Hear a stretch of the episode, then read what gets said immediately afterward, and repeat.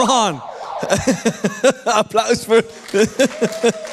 oh my gosh. Ja, healthy relationships. We gaan het over inderdaad goddelijke seks hebben. En laten we eerlijk zijn, seks komt tegenwoordig in zoveel vormen en maten. Maar uiteindelijk willen we weten, hoe heeft God nou seks bedoeld? En hoe is goddelijke seks nou eigenlijk? En hoe kan het erend zijn, passievol, verantwoordelijk, aandachtig, erend en angstvrij? Daar gaan we het vandaag over hebben. Want uiteindelijk is het God geweest die dus ook seksualiteit bedacht heeft. En überhaupt op elk topic van het leven, biologie, natuurkunde, scheikunde, zijn we nog steeds aan het ontrafelen wat God al lang al bedacht heeft. En laten we ook op dit topic gaan ontrafelen wat hij al lang al bedacht heeft. Zodat we het gaan snappen, begrijpen en echt in onze broekzak kunnen steken. Zodat we daar echt op een hele positieve manier mee om kunnen gaan. De Bijbel zegt over seksualiteit in Hooglied 8 het volgende. Als je überhaupt uh, eens een keer de Bijbel open wilt slaan en met rode wangetjes dat wilt doen, moet je Hooglied gaan lezen. Kan je echt heel veel van leren, kan ik je vertellen. Alright, er staat het volgende. Het vuur van hartstocht brandt met hete vlammen door de Here ontstoken. De liefde die in ons aanwezig is, is door God zelf in ons gelegd, aangestoken en is on fire. Ik denk dat we allemaal jong zijn geweest. En misschien komt het een beetje met, met fases door je leven heen. Maar we zijn on fire als het gaat om liefde. En dat heeft God ons meegegeven. En de afgelopen weken hebben we stap voor stap gezien waar we relaties op moeten bouwen. Dat we moeten beginnen bij het geestelijke. Dat we samen God willen dienen. Dat we samen God willen ervaren. Dat we willen genieten van een echte hechte band geestelijk. Dan komt het interpersoonlijke. Waarin we gaan ontdekken, hey, hoe, eh, hoe, zit je eigenlijk nou in elkaar? Wat zijn nou de dingetjes die je allemaal uh, van elkaar leuk vindt, maar soms ook niet zo leuk vindt als je ochtends wakker wordt met misschien iets wat je niet zo cool vindt. Dan komt het sociale. Vrienden, vaders, moeders, familie, vind je het cool of niet? introductie van het allemaal. En natuurlijk ook emotioneel, waarin je echt vlinders in je buik gaat krijgen en, gaat krijgen. En dan pas het echte fysieke plaats gaat vinden. Nou, laten we eerlijk zijn, als we in de wereld om ons heen kijken wat beginnen we dan als eerste mee? Ja, met het eerste. We hebben eigenlijk dat topic seks helemaal losgenomen van het emotionele, van het sociale, van het interpersoonlijke, van het geestelijke. En een los topic van gemaakt, alsof het ook een los topic is, wat je gewoon kunt grossieren uh, bij de supermarkt. Maar we kunnen seks niet loszien voor me, mijzelf en hij, zonder relaties. God heeft het juist bedoeld om een diepe, innige relatie te hebben. Uiteindelijk ook seks is op een bijzondere manier, maar niet als eerste en seks als enige. Daar gaan we het vandaag over hebben. En God vindt seks waanzinnig. Nou, misschien heb je allemaal verschillende achtergronden op dit topic. Uh, misschien wat traditioneler. Misschien heb je daar wel hele verkeerde ervaring mee in kerk. Uh, en misschien heb je er persoonlijk wel hele verkeerde ervaring mee. Dat je er helemaal niks meer van wilt helpen. En misschien zit je hier en zegt: Bring it on, pastor. Ik wil gewoon weten hoe ik vervullende seks kan hebben. We hebben allemaal verschillende achtergronden daarin. En we moeten dat allemaal zien te snappen en zien te begrijpen. Nou, wat we moeten snappen de heden ten dagen is dat seks in ontzettend veel vormen en maten komt. En seks, of je het wilt of niet, of je het ermee eens bent of niet. We worden opgegroeid in Nederland als het gaat om seks. Seks moet je experimenteren met ontzettend veel mensen. En seks is voornamelijk voor jezelf. En ja, daar heb je ook iemand voor nodig. Dat is wat we tegenwoordig leren. Maar we moeten seks zien als een product, niet seks zien als een consumeermiddel. Maar we moeten veel meer snappen dat seks in relaties hoort en liefde versus seks. Dat zijn twee verschillende topics. Maar bij God is het één topic. Waarin je liefde, seksualiteit, weggeeft om een ander te dienen. Maar in de wereld gebeurt het andersom we jongeren, wij jongeren, of nou, ik ben nog niet zo jong meer, maar kan natuurlijk van jong zijn, kan ook heel oud zijn, is seksueel maar bedoeld van ik wil seks op mijn manier, mijn tijd, mijn tijdstip, wanneer het mij uitkomt. Maar dat is niet hoe God het bedoeld heeft. Überhaupt niet als het gaat in de wereld. Überhaupt niet waar het gaat om relaties. Bij God geldt maar één ding. Hoe kan ik de ander dienen? Met seks eigenlijk precies hetzelfde. Dan vraag je je af, wat is mijn tijd, wat is mijn tijdstip, wat wil ik? Dat mag je zeker hebben. Ik heb ook mijn wens in seksualiteit en mijn vrouw weet het. En niet zo'n klein beetje ook. Maar uiteindelijk gaat het niet over me, mijzelf en I. Bij God gaat het altijd als eerste, hoe kan ik de mensheid dienen? Ik maak een wereld en ik schep een wereld en ik creëer dat en ik doe daar moeite voor. En ik maak het met zoveel geuren, kleuren, waanzinnig. Woe! Dat je bijna aan elkaar vooraan klapt als je een beetje wat van de wereld gezien heeft. Toch? Die zegt, dat gebeurt er bij mij. En precies dat, die cultuur wil God ook in onze relatie. Dus niet me, myself en I. Dus überhaupt een beetje een boring topic, toch? Me, myself en I. Wat een veel interessanter topic is, is elkaar te dienen in je smallgroep, in je gezin, voor je kinderen, naar je partner toe. En dat ook in seksualiteit. Hey, hoe kan ik jou geven wat jij het allerbelangrijkste vindt? En als we elkaar dan allemaal gaan geven wat we het allerbelangrijkste vinden, wat gebeurt er dan? Dat is pretty amazing, toch? Terwijl we eigenlijk er zo vleeselijker in zitten, zoals we eigenlijk van nature zijn. Ik wil hebben wat ik wil hebben, op me, mijzelf en hij, op mijn manier, mijn tijd, mijn aandacht. En als we dat met z'n allen gaan doen, wat krijgen we dan? Ja, dan krijgen we de problemen die we in de wereld hebben. Dat we grenzen van mensen overgaan. We zitten nu al jaren in de MeToo-beweging. Waarin er verhaal na verhaal, story na story komt. Uh, gisteren nog, Vera Pauw, in het voetbal.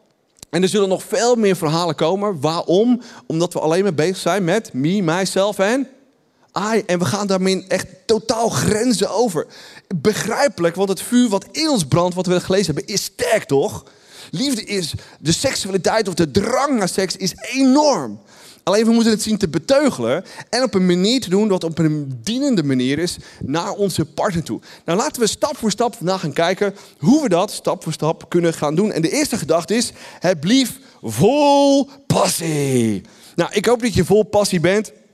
En ik hoop dat je dus daarin echt ook geniet. Nou, passievolle seks, dat is wat we allemaal willen, toch? Niet omdat het moet, omdat het erbij hoort, maar je wilt het met Oké, God belt ergens. Ja, hoorde ik. Nou, ik hoop dat jouw seks vol passie is. En als het het niet is, is mijn gebed dat je het weer weet te ontdekken en daar kunt brengen waar het moet zijn. Want God heeft het bedoeld om ook echt passievol te zijn in de seks. En te genieten van elkaar op een hele passievolle manier. We lezen dat in Hooglied. Nogmaals, als je echt rode wangetjes wilt hebben en met Bijbel lezen, ja, het kan met de Bijbel lezen. Lees Hooglied. Je zult echt versteld zijn wat je daar echt leest. Woe! Oké. Er staat dus, ik ben bij mijn zuster, was niet zijn zus, maar gewoon zijn partner, mijn bruid, gekomen als in een tuin. Deze persoon is een dichter en doet het heel erg poëtisch. En ziet seksualiteit als een waanzinnige tuin. Beeld je een beetje voor. Met mooie geurende bloemen en mooie palmbomen. En er gebeuren allemaal waanzinnige dingen in hoekjes en eentje. Je denkt, woehoe, het wordt heel erg spannend. Oké, ik heb mirre en balsem geplukt en at honing uit de raad. Ik dronk wijn en melk. Nou, tegenwoordig zouden wij dat uh, een beetje anders vormgeven met andere... Uh, woorden en andere middelen. Maar voor die tijd was melk en honing ah, als een heerlijk drankje. Waanzinnig heerlijk. En dan ging echt helemaal...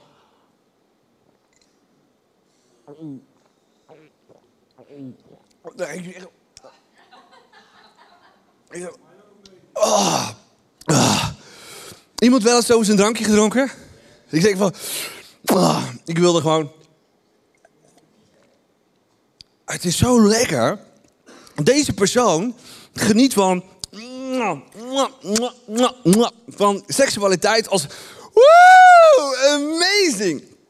Want zo heeft God het ook bedoeld. En ja, er kunnen allerlei dingen tussenkomen zodat het niet zo voelt. Maar zo heeft God het wel bedoeld. Dat je er echt met volle teugen van geniet. Op een manier die helemaal bij jou past. En natuurlijk ook bij je partner past. Nou, en dat is het verlangen wat we binnen ons huwelijk willen hebben. Dat seksualiteit smaakt naar melk en honing of een zoet drankje of misschien wel wat jij lekker vindt, hoe je het ook tegenwoordig onder woorden brengt. Maar passievol seksualiteit, zo heeft God het bedoeld en dat is ook wat hij graag wil. En wij moeten dat zien te vinden. En er komt een grote vraag, maar wat nou als je passie weg is? Het spijt me als eerste om te zeggen dat je misschien ergens je passie verloren hebt. Misschien überhaupt al ver voor je een relatie aanging. Vanwege een slechte ervaring. Of misschien wel dat je een verkeerd zelfbeeld hebt. Dat je daarin niet passievol durft te zijn. En dat je daar voortdurend denkt, ja maar dit en ja maar dat en ja maar zus en ja maar zo. En ik hoop ergens dat je de moed hebt, ook na vandaag, om die passie weer terug te vinden. Om echt van jezelf te houden, ondanks allemaal wat je de dingen ziet die in de, in de spiegel zit. Of misschien echt van jezelf te houden, ondanks wat mensen allemaal over je zeggen. Want er geldt maar één topic. God houdt van jou onvoorwaardelijk. Is het belangrijkste wat er is. En als je overstroomt van liefde van binnen voor jezelf, wat Jezus voor je gedaan heeft, heb je dan ook kunnen ook overstromen van liefde naar een ander? Wel degelijk. Maar wat we moeten snappen van liefde is, liefde is geen gevoel. Liefde is altijd actie. Ik ken een waanzinnig verhaal over een man die kwam naar een volganger toe. En die man zei, uh, volganger, ik heb een issue. Ons huwelijk is niet meer wat het moet zijn en de seks is dramatisch. En de pastor zei, hou van haar. Ja, maar dat is juist precies het probleem. Ik hou niet meer zo van haar. En de pastor zei, hou van haar. Ja, maar je, pastor, je snapt het helemaal verkeerd. Uh, ik heb een probleem en ik heb hier praktische antwoorden nodig. Pastor, vertel me nou wat ik moet doen om echt weer te voelen voor mijn vrouw wat ik moet voelen. En de pastor zei, hou van haar. En die man werd zo pist. Pastor, ik wil genieten van huwelijk en echte diepe seks. En weet je wat de pastor zei als laatste? Hou van haar. Liefde is geen gevoel. Liefde is een keuze. Je houdt van iemand op de basis van de dingen die je doet. Ik hou van mijn vrouw en ik laat zien dat ik van haar hou. Door de dingen die ik doe. Hoeveel houdt Jezus van ons? En hoe weten we dat? En? Wat is het antwoord? Het kruis. Het kruis van Golgotha. Dat laat zien. Ik hou van je, ik betaal de prijs. Je hebt er niet om gevraagd, je wilde het niet. Misschien vind je het zelfs bloediger uitzien. Maar zo diep is mijn liefde. En dat is precies wat ik thuis ook doe. Ik hou van mijn vrouw en ik hou van mijn gezin. Voornamelijk van de dingen die ik voor ze doe om mijn liefde te uiten. Want zo cultiveer je echte liefde. Weet je hoe vaak ik mijn liefde voor deze kerk verloren ben? In twaalf jaar tijd? Heel vaak. Weet je hoe ik het terugvond? Door weer te gaan dienen. Ja, dat vind ik echt verschrikkelijk en dat vind ik naar en dat vind ik vervelend en die, die persoon is vervelend. En... Maar weet je hoe ik er overheen kom? Ik hou van mijn kerk. Ik hou van mijn mensen. Ja, die ene persoon die bloed onder mijn nagels vandaan haalt, die hou ik nog veel meer van. Weet je waarom? Omdat Jezus eerst van mij hield. En ik laat mijn hart overstromen van zijn liefde, zijn genade. En mijn liefde stroomt voort naar mezelf, naar mijn vrouw, naar mijn kinderen. Op basis van de dingen die ik doe. Daarom ben ik gepassioneerd en daarom ben ik altijd on fire. Omdat ik altijd mijn hart wil vullen met zijn liefde. En wil laten doorstromen in dienen en acties naar mijn vrouw toe. En dat leidt dat zij dat fijn vindt en waardeert. En denkt, wow, die beste man heeft ook wat nodig. Laten we er een hete nacht van maken. Dat is hoe het werkt. En zo kunnen we weer echt je passie terugvinden. Er is geen andere manier. Er is ook geen magic op dit vlak. Maar als je gaat dienen, met name als het taf wordt, die gaat dieper, dan slijt je in je ziel en je karakter enorme gleuven waar liefde doorheen kan stromen. Liefde is altijd een keuze en geen gevoel en acties. Oké, ready voor de volgende? Heb lief met aandacht. Is een no-brainer, toch? Oké, waar is die? Met lief met aandacht. Ja, we moeten aandachtig zijn in onze relaties. En waarom moeten we aandachtig zijn in onze relaties? Omdat er simpelweg te veel achtergronden zijn, te veel angles zijn in het Engels om het type topic seksualiteit. De een vindt het fantastisch van nature, de ander denkt, nou, ik sla een keertje over. De een heeft daar waanzinnige ervaring mee, de ander heeft, mwah, laat zacht gezegd, verschrikkelijke ervaringen mee. En we moeten dus aandachtig zijn, ook in onze relaties, en wetend wat de achtergronden zijn. In onze seksualiteit. En daarin stap voor stap dingen te ontdekken, door te praten. Te weten, wat vind jij nou echt fijn of wat vind je nou echt niet cool. En daar zit vaak ook het probleem. Communicatie. Wie vindt communiceren over seks easy? Ja, Jos vindt het easy. Ja. het is easy geworden voor jullie. Ja. Maar voor niemand is het easy om erover te praten. Totdat je erover praat. En totdat je er vaker over gaat praten. En het eigenlijk de normaalste zaak van de wereld wordt om erover te praten. En je stapje bij beetje datgene doet waar het eigenlijk ook voor bedoeld is. Communicatie is altijd een ontzettend groot en lastig issue daarin. Maar we moeten aandachtig zijn en weten dat we het stap voor stap moeten doen. Oké, Lucas zegt het volgende. Uh, en heb uw naaste lief zoals je zelf. Vraag jezelf af, hey, als ik de ander wil dienen, wat vindt die persoon dan echt fijn? Want misschien datgene wat jij wilt, of hoe jij behandeld wordt worden, zeg je van, maar vind ik helemaal niet cool. Ja, maar je doet het bij een ander wel. Pas als we echt geïnteresseerd gaan zijn in de ander, in dat perspectief, in wat zij cool vinden, of wat zij misschien wel heel erg uitdagend vinden, ja, dan zou je daar simpelweg mee moeten leven. Ik sta in seksualiteit totaal anders als mijn vrouw. En dan kan ik zeggen, ja, maar eh, dat is jouw issue. Nee, dat is mijn issue. Slachtoffermentaliteit is, ja, maar schat, je moet dit, je moet dat, je moet overheen zetten, bla bla. Nee, aandachtig. Liefdevol. Stap voor stap. Niet een slachtoffermentaliteit, maar weet je wat? Dan ga ik daarop wachten. Dan gaan we daarover praten. Ik wil de lied daarin nemen. Dat zijn de dingen die we kunnen doen als het gaat om dit topic. Oké. Ik heb een vers meegenomen. Uh, eh, 1 Corinthians. Er staat het volgende. Um, ik, of weet u niet dat uw lichaam een tempel van de Heilige Geest is? Van de Geest die God u gegeven heeft, die nu in u woont. Nou, ik heb een aantal dingen die ik omcirkel. Uw lichaam, een tempel, door God gegeven. Nou, soms denken we dat ons lijf aan onszelf behoort. Dat is niet zo. Ons lichaam, waar komt het leven überhaupt vandaan? Voor God zelf. Hij is de eigenaar van het leven. En soms gaan we met het leven om alsof het allemaal niks is. We geven het uit als, als water en we behandelen het als, als, als, als, als oud vuil. Maar ik denk dat de bewustwording om daar veel bewuster mee om te gaan. Dat het leven van ons, niet van onszelf is, maar van God. En dat we daar veel bewuster mee om moeten gaan. En ook veel meer aandacht moeten hebben voor het leven überhaupt. In dit geval je partner, om met veel meer aandacht dat te doen. En het niet zomaar te gebruiken alsof het niks is. Oké, volgende gedachte. Heb lief op een verantwoordelijke manier. Heb lief op een verantwoordelijke manier. Nou, volgende, hetzelfde vers weer. Of weet u nu dat het lichaam een tempel van de Heilige Geest is? Want de geest die God u gegeven heeft, die in u woont, u bent niet van uzelf. God heeft u tegen de allerhoogste prijs, wat was die prijs ook alweer? Het kruis, dood aan het kruis, martelgang van Jezus, gekocht.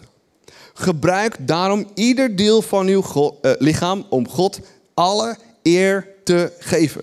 Nou, twee dingen eruit halen. Niet van uzelf en alle eer te gebruiken. Zijn we in onze relaties, in onze seksualiteit echt aan het eren? Of neigt het toch weer van ja, me, mijzelf en hij. En dit is wat ik allemaal belangrijk vind en wat ik allemaal nodig heb. Ons lichaam, seksualiteit, is zo'n ontzettend groot cadeau van God. En we moeten er op die manier ook mee omgaan. Want als het respect voor God en het respect voor het leven en het respect voor de seksualiteit die Hij gemaakt heeft, groeit, dan groeit ook onze aandacht voor de andere persoon. En als het ook nog eens een keer wederzijds is, dan werkt het twee kanten op. En komt het ook van twee kanten. En we moeten ieder deel van ons lichaam erin gebruiken. Nou, ik weet niet of je weet hoe de geschiedenis een beetje van elkaar zit, maar in de jaren tachtig was de seksuele revolutie. Uh, de abortus, sorry, de abortuspil. De anticonceptiepil kwam daar. En je kon eigenlijk op elk moment van de dag, op elk moment waar je wilde, was er eigenlijk wel iemand waar je seks mee kon hebben. Was dat zonder prijs? Door de jaren heen? Nee, wel degelijk niet. Wel degelijk niet. Er zijn altijd consequenties want op dat moment is het misschien heel fijn, maar op dat moment dat weer die ene persoon weggaat, dat weer die ander weggaat, dat weer er eentje vertrekt, blijft altijd aan je ziel kleven. Los nog van alle ziektes die we aan elkaar overbrengen.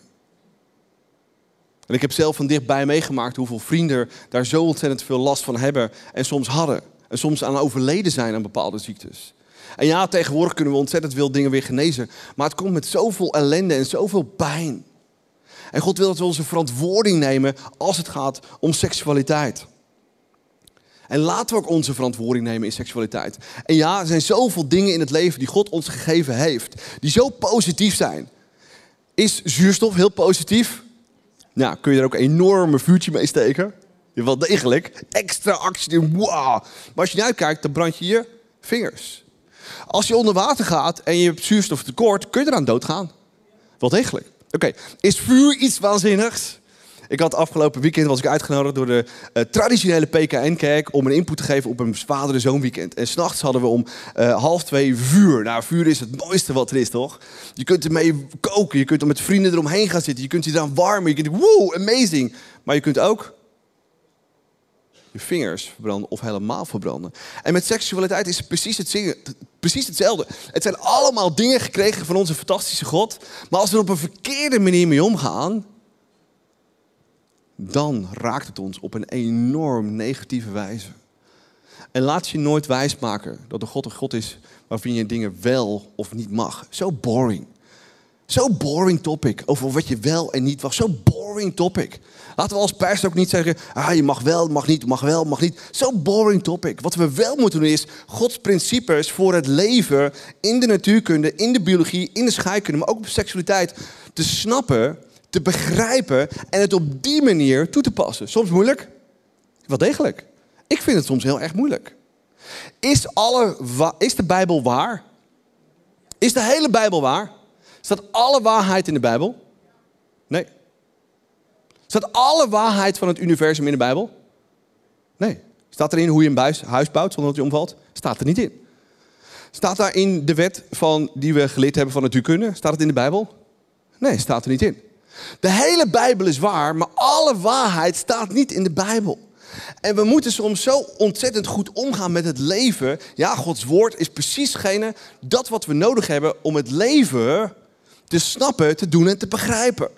Maar daaromheen moeten we ontdekken, ontdekken, ontdekken, ontdekken. Dat is de ontzettende ontdekkingsreis die we hebben. Ook als het gaat om het topic van seksualiteit. Oké. De regenboog. Wie houdt er van de regenboog? Ja, ik hou ook van de regenboog. Kunnen we regenboog zien, mannen? Ja. De regenboog is magic. Misschien ken je het verhaal wel. Er was ontzettend veel zonde op de aarde. En God zei, weet je, het kan zo niet langer zijn. Er kwam een zondvloed. Noach ging in de ark. Iedereen kon mee in de ark als ze, als ze gewild hadden. Maar enkeling deed het. Veertig dagen en nachten regende het. En uiteindelijk stopte het. En kon Noach vrij zijn in een nieuwe wereld. En God zei, deze dag is zo ellendig. Wat dit hier heeft moeten plaatsvinden, mag nooit meer gebeuren. En God zei, ik geef een teken dat ik van je hou. En dat is waar de regenboog voor staat. Gods liefde voor de mensheid. Maar als we niet uitkijken, dan is het een teken geworden inderdaad van seksualiteit op manieren en wegen wat zeer uitdagend is. Nou, ik hou met heel mijn hart van al die soorten mensen die ik in mijn familie heb zitten, die ik in mijn vriendenkring heb zitten. Maar als we niet uitdagen, uitkijken, dan nemen we goddelijke symbolen en regenboog voor iets wat niks met God te maken heeft. Terwijl God de auteur is van het leven. Terwijl God de auteur is van seksualiteit. En laten we Hem altijd bovenaan zetten. En Hem alle eer geven. Ook en met name als het gaat om seksualiteit. Oké, volgende. Heb lief zonder angst. Heb lief zonder angst. Oké, we gaan luisteren naar een waanzinnig verhaal van Matthijs. Niet van Matthijs en Daphne, van Daphne. Ja, jullie zijn zulke goede vrienden dat ik altijd Matthijs en Daphne zeg. En uh, over hoe jullie met dit topic omgegaan zijn. Bedankt voor je eerlijke verhaal. Er komen twee krukken aan. En bedankt dat je hier zo open hierover durft te praten. Ja, wil jij hier zitten? Wil jij hier zitten? Want die is veel lager en jij hebt een hogere nodig. Hier zitten. Daphne, ik, ik, wil weer Matthijs en Daphne zeggen. Uh, bedankt voor uh, je openheid. Bedankt voor wie je bent. Bedankt ook dat we zo lang vrienden mogen zijn. Dat we het leven op een hele bijzondere en innige manier kunnen delen. Uh, met kerkbouwen, met vriendschap zijn. En alles wat jullie voor ons persoonlijk ook betekenen. En ik ben heel erg benieuwd. Ehm, hoe kijken jullie tegen seks aan voor jullie huwelijk? En wat voor keuzes hebben jullie daarin gemaakt? Nou, we zijn nu 12 jaar getrouwd. Dus ehm, dat is denk ik 14 jaar geleden zijn we begonnen. Ja. Ehm, nou, toen had ik wel echt het idee van ik wil gewoon geen seks voordat we getrouwd zijn. Want ik geloof erin dat eh, Jezus dat echt voor in het huwelijk bedoeld heeft. Nou, voor Thijs maakte dat eigenlijk niet zo heel erg veel uit. Die had zoiets van, nou, ik heb er niet al te veel op tegen. Maar omdat Daphne dat nou zo graag eh, heel prettig vindt, ga ik daar absoluut in mee. En toen hebben we ook wel met elkaar afgesproken van, nou, laten we dan in ieder geval die verkeringtijd niet al te lang doen. Ehm, anders gaat het sowieso niet redden. Dus eh, toen hebben we wel afgesproken van, eh, oké, twee jaar en dan zijn we getrouwd. En Wauw. Ja, dat is dus eh, tot op het nippertje, een paar dagen van tevoren, is dat gelukt. Ehm, wij hebben wel echt eh, afgesproken met elkaar van, oké, om dat vol te kunnen houden, zorgen we ervoor dat we elkaar gewoon eh, ja, niet overal aan gaan raken. Dus zoenen was voor ons wel gewoon iets waarvan we dachten, dat, zo kunnen we het volhouden. Maar we hadden echt wel een no-touch rule, dus geen billen, borsten, geslachtsdelen. Echt om ervoor te zorgen Knap dat dat, dat dat ging lukken. Ja. Dus, en toen een paar weken ja, voordat we eh, gingen trouwen, toen dachten we van nou laten we een klein beetje nou ja, erin rollen als het ware. Dus toen hebben we die rol, eh, ja, eigenlijk die, eh, die regel losgelaten. En nou ja, zo lukte het dus uiteindelijk net twee dagen van tevoren niet. Dus nou ja, achteraf hebben we ook zoiets van... oké, we trekken er niet al te hard aan. Maar als we dat echt heel erg graag hadden gewild... hadden we misschien beter eventjes wat rustiger aan kunnen doen... nadat we ehm, waren, getrouwd waren geweest eigenlijk. Wauw. Ja, En dan ben je eenmaal Ja. getrouwd en dan gaat het alles van een leidakje, toch? nou, totaal niet eigenlijk. Nee. Je vertelt. Ja, nee, voor mij was het eigenlijk heel heftig. Ik had natuurlijk al die jaren al zoiets gehad van... joh, eh, ik wil geen seks eh, voordat we getrouwd zijn. Nou, vervolgens hou je je behoorlijk in. Ehm, en ik had ook best wel een behoorlijk heftig idee van God als strenge vader. Dus dan merk je eigenlijk ook wel gewoon heel erg van... oh ja, nu moet je ineens van 0 naar 100. Dat gaat eigenlijk niet helemaal. En ik raakte ontzettend verkrampt. Echt op een letterlijke manier. En eh, ja, voor mij was het daardoor heel erg lastig om eh, te ontspannen, eh, ja, relaxed te raken, opgewonden te raken. En dat was gewoon eigenlijk hartstikke lastig. En dat duurde eigenlijk wel meer dan een jaar. Ehm, en eh, ja, in zo'n periode dan zit je toch eigenlijk wel een beetje met het handen in je haar van, eh, nou ja, leuk, perfect, getrouwd. En dan vervolgens, dan, eh, dan is de seks zo. Ehm, dus ik moest echt leren om te ontspannen. En dat was eigenlijk pas in het jaar daarna dat we op vakantie waren.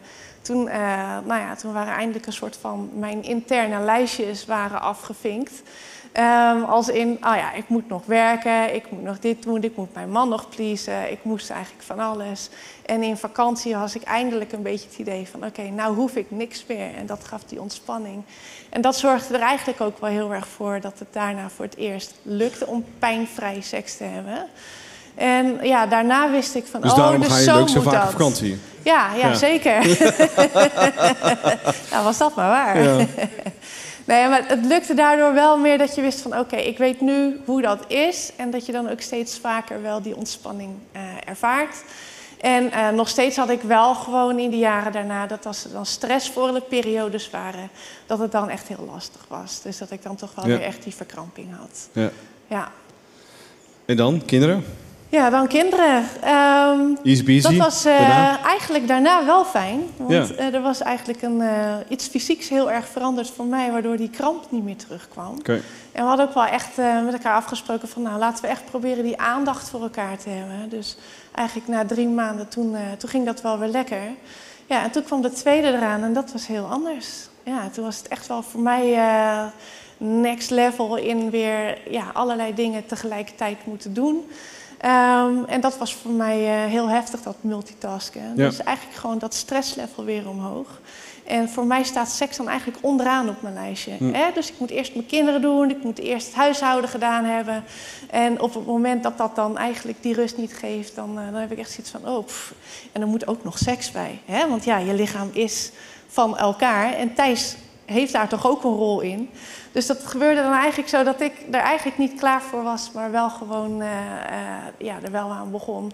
En vervolgens eh, ja, eindigden we heel erg in, in grote huilbuien van mij eigenlijk. Hè, dat ik gewoon echt zoiets had van, ik zat overal en nergens met mijn hoofd. Maar, Schaamde ja, je je ook? Ja, ontzettend. Ja. Ontzettend veel gedachten ook. Ik vond Thijs niet meer aantrekkelijk. Echt totaal niet.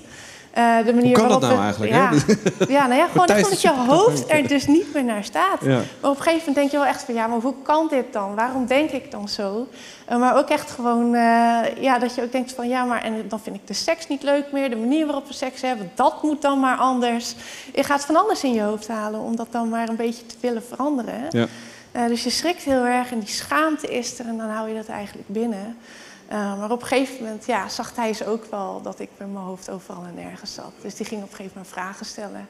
Nou, Ja, want wat is het keerpunt daarin geweest? Ja, nou ja, echt dat hij eh, vragen ging stellen van, eh, joh, wat is er nou? En dan, nou ja, dan ga je maar met schoorvoet het ook een beetje vertellen van, nou ja, het lukt allemaal niet. En eh, in mijn hoofd gaat het niet lekker. En moeten we seks misschien maar dit doen en dat doen? Dat was het antwoord uiteindelijk niet. En ik dacht wel van, ja, die gedachten, dat hoort gewoon niet zo door te gaan. Dus ik heb small group ook echt eh, aangesproken. En ik heb gezegd van, meiden, ik schrik van mezelf en eh, ik wil hier een verandering in brengen. Ja. En nou ja, toen hebben we ook gebeden. Ehm, ik heb zelf ook echt gezegd van, nou ja, deze gedachten in mijn hoofd, dat zijn leugens. Die horen hier niet. Ehm, dus die geef ik aan Jezus. En in Jezus' naam ben ik daar ook echt vrij van. En ehm, daarna begon pas eigenlijk het punt dat ik dan dus ook als zo'n gedachte probeerde, terug probeerde te komen. Dat ik dus ook echt tegen mezelf herhalend moest zeggen.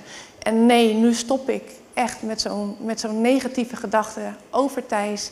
Of over dat ik geen zin heb om seks te hebben. En wat voor mij heel belangrijk was, is dat seks niet alleen voor mijn man is. Maar dat ik er ook van moet genieten. Mm. Hè, dus dat dat hele verhaal wat we hier hebben, dat is eigenlijk iets heel bijbels. Maar als je daar dus in doorschiet, eh, dan is dat dus eigenlijk ook gewoon ja, heel stressvol. Ja. Eh, dus ik heb op een gegeven moment ook echt moeten accepteren dat ik dit heel erg leuk vind om seks te hebben. Ja. Ja. En hoe is het, Ja. hoe is het veranderd? Eh, nou ja, Wat- die weken daarna merkte ik dus echt, hoe vaker ik dat tegen mezelf zei, dat dat dus ook echt lukte. Eh, we zijn ook samen wel echt heel praktisch aan de slag gegaan van, eh, nou ja, wat gaat dan helpen? Een goed gesprek van tevoren, zodat mijn hoofd leeg is, dat helpt. Maar bijvoorbeeld ook iets praktisch als een glijmiddel, ehm, ja, betere gesprekken met elkaar. ehm, ja, gewoon daar de rust in hebben. Maar bijvoorbeeld ook, joh, in plaats van eh, meteen denken van, oh, en dan gaan we maar seks hebben. eh, wees gewoon eens intiem. Ga eens gewoon knuffelen. Heb gewoon een hele goede tijd met elkaar. Zonder dat je het idee hebt van, oh, nou moet het er dan maar van komen. En vaak kwam voor mij dan ook echt wel die ontspanning. En dan kwam het er soms alsnog van. Ja. Ja, dus dat was voor ons wel echt een stap die, eh, die ook heel erg goed werkt. Wauw. Ja. Ja. Bedankt voor je open verhaal. ja, dankjewel. Applaus voor Matthijs en Daphne. Ja, soms gaan dingen niet vanzelf en er komt een angst of schaamte komen. En dan vind ik het zo fantastisch weer om terug te gaan bij onze fantastische Jezus. Want we hebben zo die liefde nodig voor onszelf en naar elkaar toe. En, en het is de normaalste zaak van de wereld dat er ergens knopen komen in relaties of in topic seksualiteit. Maar er is altijd Jezus liefde en genezing. En het is zo ontzettend knap van deze mensen. En van heel veel andere mensen weet ik ook in deze kerk. Omdat als je pijn hebt op dit gebied of andere gebieden, om erover te praten. Eh, samen voor te bidden en ook echt samen uit te komen. Wetend dat als we echt die stappen zetten, dat Jezus ook echt genezing gaat geven. En dat we echt weer die nieuwe stappen kunnen zetten op dit waanzinnige topic. Hey, laten we een laatste gedachte bekijken van vanochtend. En het laatste is, heb lief ter ere van God. Heb lief ter ere van God.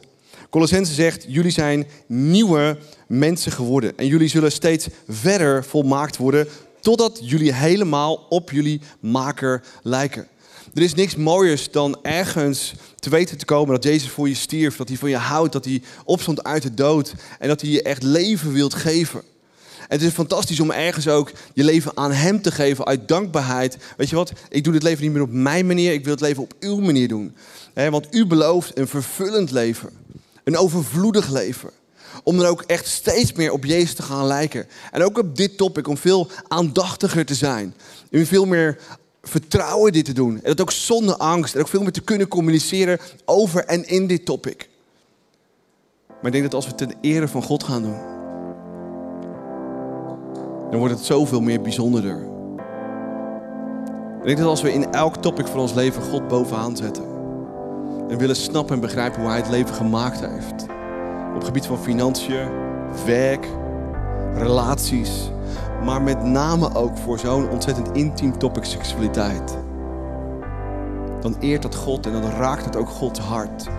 En als het Gods hart raakt, dan komt altijd de zegen. Op manieren, op onverwachte manieren. En laten we in dit topic ook Jezus centraal stellen. Om te willen snappen en te begrijpen. En ook tegen de Heilige Geest te zeggen: Heilige Geest, spreek in mijn situatie, in jouw situatie. En elke relatie is anders.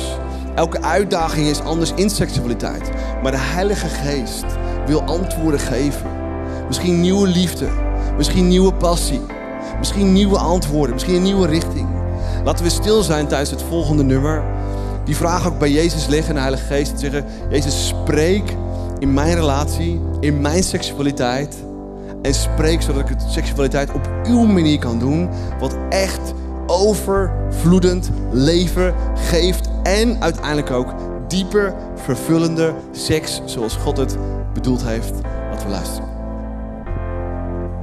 Het huwelijk en relaties is zo bijzonder. En wat we moeten begrijpen is dat als we de Bijbel lezen, dan geeft de Bijbel het beeld van Jezus die trouwt met zijn kerk. En dat zijn opoffering, zijn liefde voor die kerk, voor mensen zoals jij en ik, zo ontzettend groot is. Dat je eigenlijk spontaan verliefd wordt op die fantastische Jezus. Over zijn hart, over zijn opoffering. Het is ook precies dat beeld waarvan de Bijbel zegt: Hey mannen en vrouwen, ik wil precies dat jullie er zelf ook zo in zitten. Naar je man of naar je vrouw toe. Met opofferende liefde, met dienende liefde. Daarin de lead te nemen samen. Het topic te snappen en te begrijpen. De Bijbel noemt het zelfs een mysterie. Het beeld, de parallel van het huwelijk van Jezus met zijn kerk. Wat een parallel is wat het huwelijk van een man en een vrouw is. We kunnen zoveel leren van onze Jezus. We kunnen zoveel leren ook van het topic seksualiteit. Om het op een goede manier te doen. Op een goddelijke manier te doen. Wat God alle eer geeft. Dat doen, weten we altijd dat het zo vervullend is. Op gebied van werk, kerk, relaties, maar met name ook voor seksualiteit. En laten we een statement maken vandaag. Om in gebed te zeggen, Jezus, ik wil ontdekken wat een goddelijke manier van seksualiteit is. Ik wil ontdekken hoe ik dat moet doen. En ik wil doen zoals u het bedoeld heeft. En ervaren dat u goed bent. Dat het op die manier ook echt vervullend is. Want pas als we het leven op zijn manier doen. En de moed daarin hebben om het anders te doen. Ervaren we ook zijn zegen. En laten we een statement maken door het staan te doen als je wilt. En samen dat gebed staand te gaan doen. Jezus, dank u wel voor uw liefde, voor uw trouw. Dank u wel voor het beeld in het Nieuwe Testament. Dat uw liefde voor uw kerk en voor mensen zo ontzettend groot is. Zo dienend. Niet opleggend. Maar echt een dienend hart heeft. Jezus, dank u wel dat ook het beeld is wat u zo graag wilt dat we meenemen in relaties. Met name op het topic seksualiteit. Dat we topic seks niet als een, een losstaand iets zien. Voor onszelf. Nee, dat het een onderdeel is van relaties. En dat we het aan elkaar kunnen geven als een geschenk. Op een dienende manier. Hoe kan ik jou de beste seks geven ever? En God wil dat doen op een manier die passievol is. Vol vertrouwen. Zonder angst. Maar vol overgave aan wie u bent. En vol overgave aan onze partner. Zodat we kunnen genieten van het leven zoals u dat bedoeld heeft. God, dank u wel dat u het leven zo waanzinnig gemaakt heeft.